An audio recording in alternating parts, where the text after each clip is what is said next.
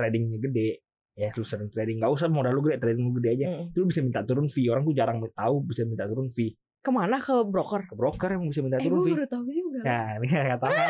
iya. Lu harus lihat fraksi lu kalau mau pengen cuan bungkus satu tik dua tik. Itu lu harus lihat Hmm. fraksi. Kalau udah udah deket-deket ganti fraksi biasanya cuannya jadi makin tipis.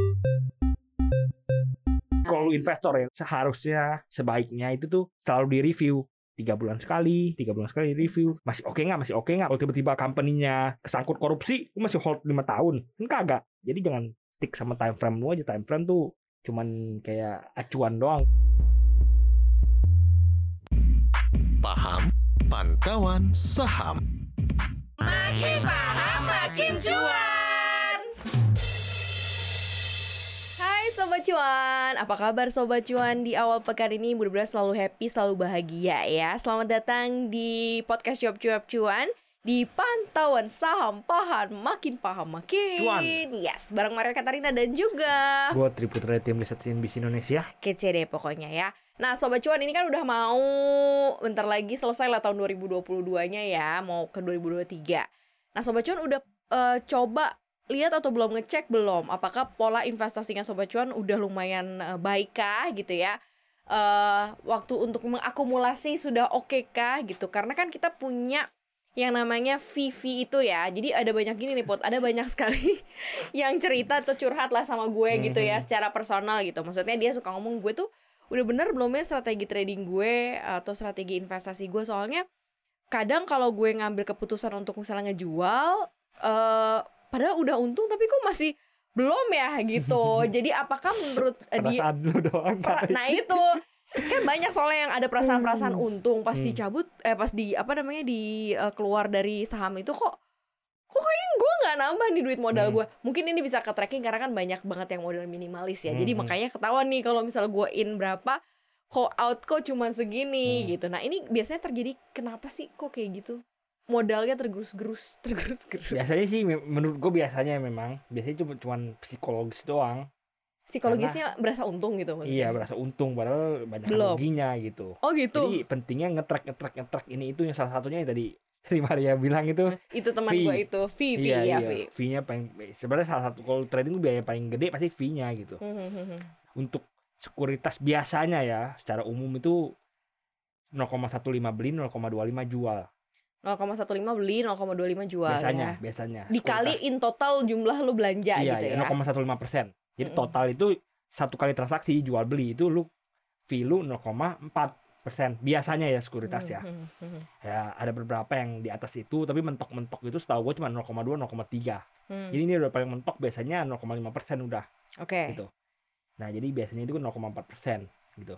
Nah jadi bisa dilihat kalau misalnya 0,4 persen artinya lu kalau misalnya cuan 0,5 persen atau 0,6 persen atau satu persen itu tuh udah untung sebenarnya tapi ya jadi tipis untung lu. Hmm, karena lo harus bayar Nah, fee iya, jual beli iya. lu Dan gitu biasanya ya. itu yang kelihatan di di online trading lu itu tan- belum dipotong fee. Nah. Itu jadi orang oh ini gue untung kayaknya gede tapi kok hilang gitu. Mm-mm. Karena itu belum potong fee. Jadi pemberlakuan pemotongan fee itu kalau di realisasi atau ditarik ke Iya, kalau dijual baru baru Kalau dijual, fee jual oke. gitu. Jadi kesannya lu baru beli nanti, nanti lu lihat di di portal lu tuh oh cuannya misalnya seratus ribu, itu seratus ribu tuh belum dipotong fee biasanya. Tuh, Oh, Oh. hijau biasanya hijau seratus ribu, oh Mm-mm. itu tuh belum dipotong fee. Setelah lu jual baru potong fee gitu. Jadi ketika lu jual itu pasti di bawah seratus ribu. Gitu. Hmm. Jadi pentingnya tuh nge-track nge-track hasil penjualan. Nah ini biasanya ada OLT OLT udah nyediain.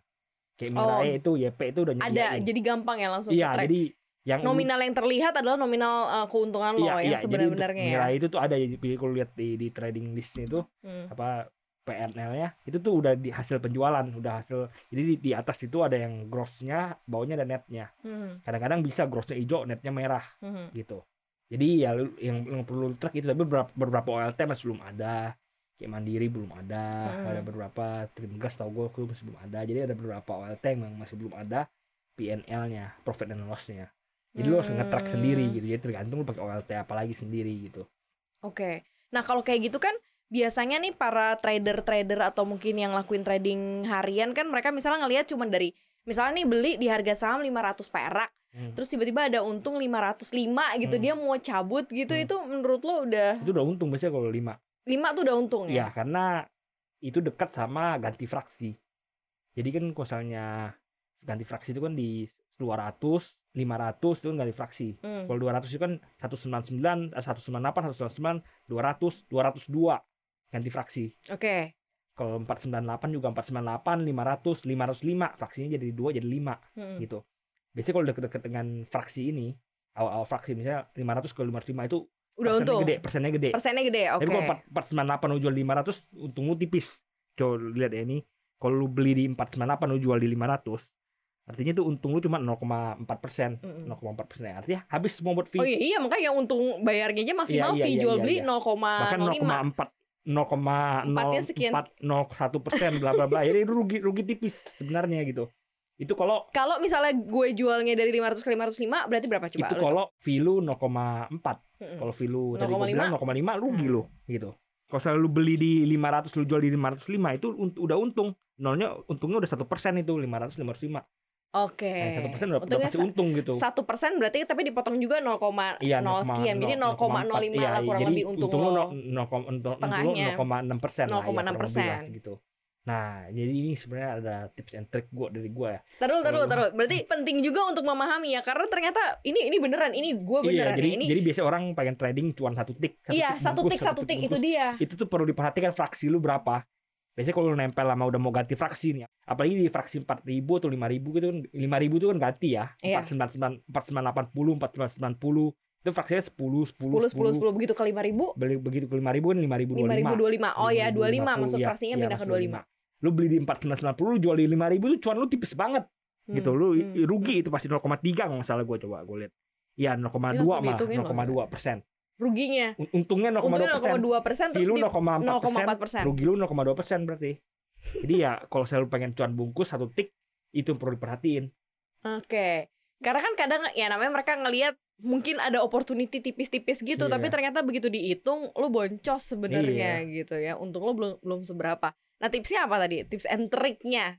Yang pertama kalau lu emang tradingnya gede, ya lu sering trading nggak usah modal lu gede, trading lu gede aja. Mm. Itu lu bisa minta turun fee. Orang tuh jarang tahu bisa minta turun fee. Ke mana ke broker? Ke broker yang bisa minta Eh, turun gue fee. baru tahu juga. Nah, ini nggak tahu iya, Oh iya, iya. as a personal maksudnya lo menghubungi sekuritas tempat lo iya, berada. iya. Lu, lu kontak atau sales lu, lu kontak minta turun fee dong gituin.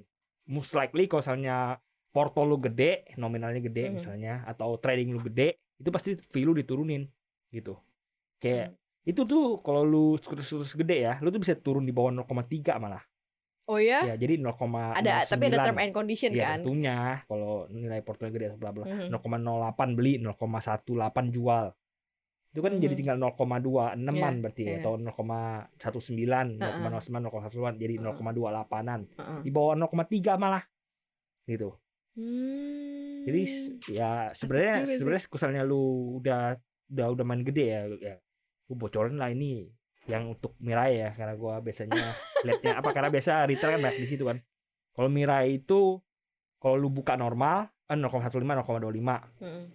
Kalau lu di atas 100 juta itu 0,13 0,23 Oke. di atas 100 juta portfolio.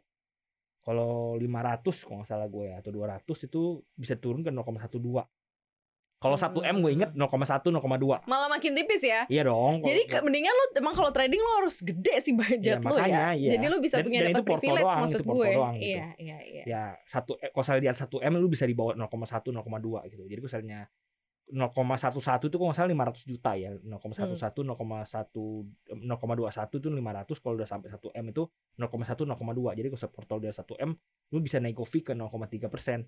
Oh, Iya. wah. Dan itu sebenarnya emang harus dinego nggak sales tuh yang untung. Iya sih. Apalagi lo in outnya dalam sehari mungkin bisa Iya, iya. berkali-kali gitu ya. Jadi Hmm. bisa dibayangin. Pantesan aja ada yang ngerasa kayak kok untung gue nggak bertambah gitu ya. Itu tips yang pertama. Ada lagi nggak tips lo? Ya tadi yang tadi gue bilang itu lu harus lihat fraksi lu kalau mau pengen cuan bungkus satu tik dua tik itu lu harus lihat Hmm. fraksi. Kalau udah udah deket-deket ganti fraksi biasanya cuannya jadi makin tipis makin tipis, makin 498 ke tipis. 500 mending lo tunggu ke Iya. 500 sekian gitu lo baru Iya. cabut gitu kan. Ya bisa jadi kayak bisa kayak gitu. Tapi biasanya kalau mau break fraksi kan agak berat. Mhm. Gitu mau break 500 ke 505 505 ya biasanya tebalnya minta ampun karena orang Iya, pada jual di iya, sana iya, gitu. iya, iya, iya. Jadi ya perhatikan jika ingin trading di yang udah deket-deket ganti fraksi ya Mhm. karena aku selalu trading tipis-tipis doang bisa jadi kagak untung Nah, mendingan sebenarnya eh, kalau yang kayak gitu ngaruh nggak sih harga sahamnya? Jadi kayak misalnya lu main yang saham-saham under cepek malahan jauh lebih nguntungin atau atau iya enggak? iya ya itu kalau lu main bawa cepet apalagi kalau jauh dengan fraksinya misalnya seratus misalnya 50 50 jual 51 itu udah dua persen kan berarti kan Mm-mm, mm-mm. Hmm.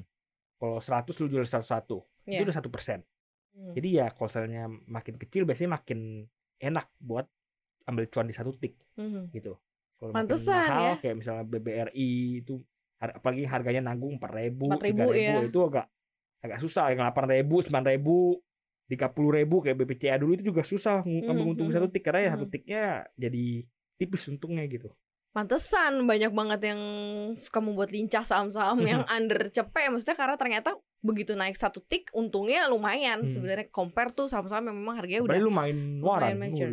Sinting lagi satu tik 10 persen waran waran tuh banyak kan memang di bawah cepek kan di bawah di bawah 50, 50 malahan 20, 30 10 belasan malah 10, belasan iya malah. belasan Jadi lu beli di 10 lu jual di 11 sudah untung 10 persen.